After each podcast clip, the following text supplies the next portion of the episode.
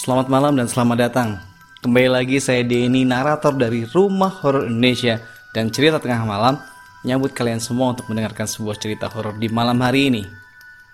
Dan malam hari ini saya akan membawakan sebuah kisah yang berjudul Sahabat Sejati, sebuah tulisan dari akun Facebook Choi Nai yang dulu juga pernah kita baca. Selamat mendengarkan. Siang ini udara sangat panas. Kubuka baju dan duduk di bawah pohon belimbing yang ada di halaman rumah. Semilir angin mengurangi panas dan gerahku. Jam 2 siang begini memang sedang panas-panasnya, ditambah musim kemarau. Woi, awas kesambet kau siang-siang melamun di bawah pohon. Ucok sahabatku mengagetkanku sambil menepuk punggungku.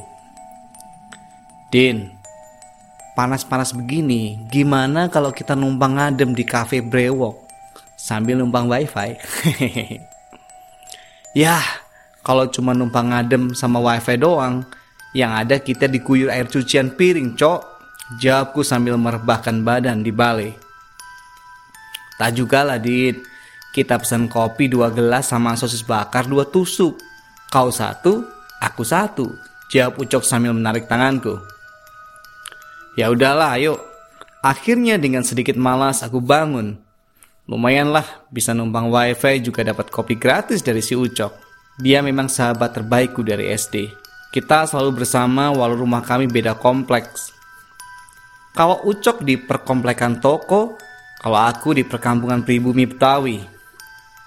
Ucok orang Medan asli dengan nama asli Samuel.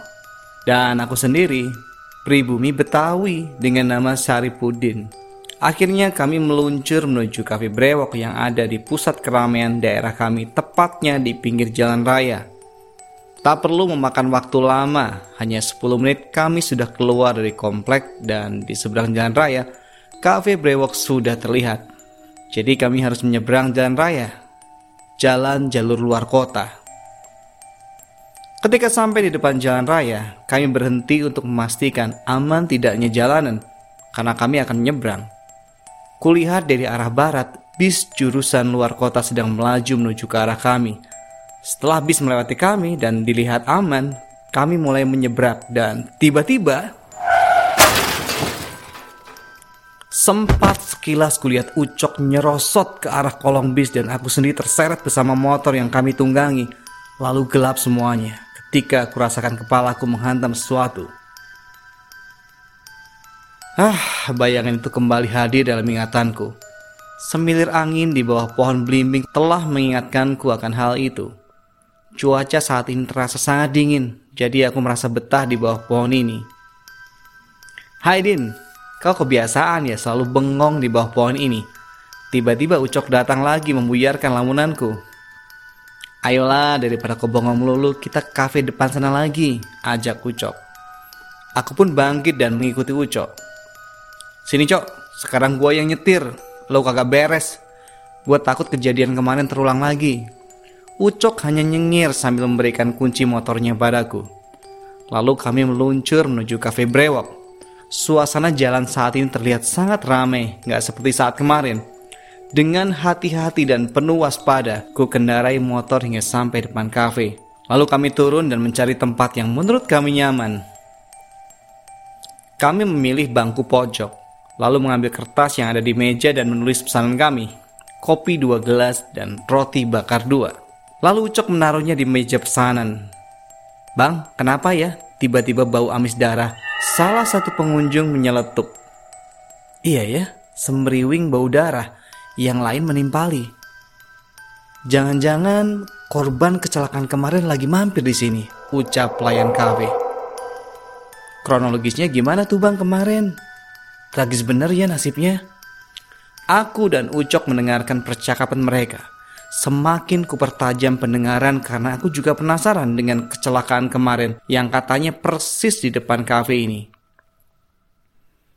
Katanya anak kompleks seberang. Mereka berdua berboncengan motor mau nyebrang ke arah sini. Mungkin mereka nggak lihat bis sudah mendekat. Begitu bis mendekat, mereka malah menyeberang. Akhirnya tertabraklah mereka, ucap pelayan kafe. Yang nyetir terlindas bis.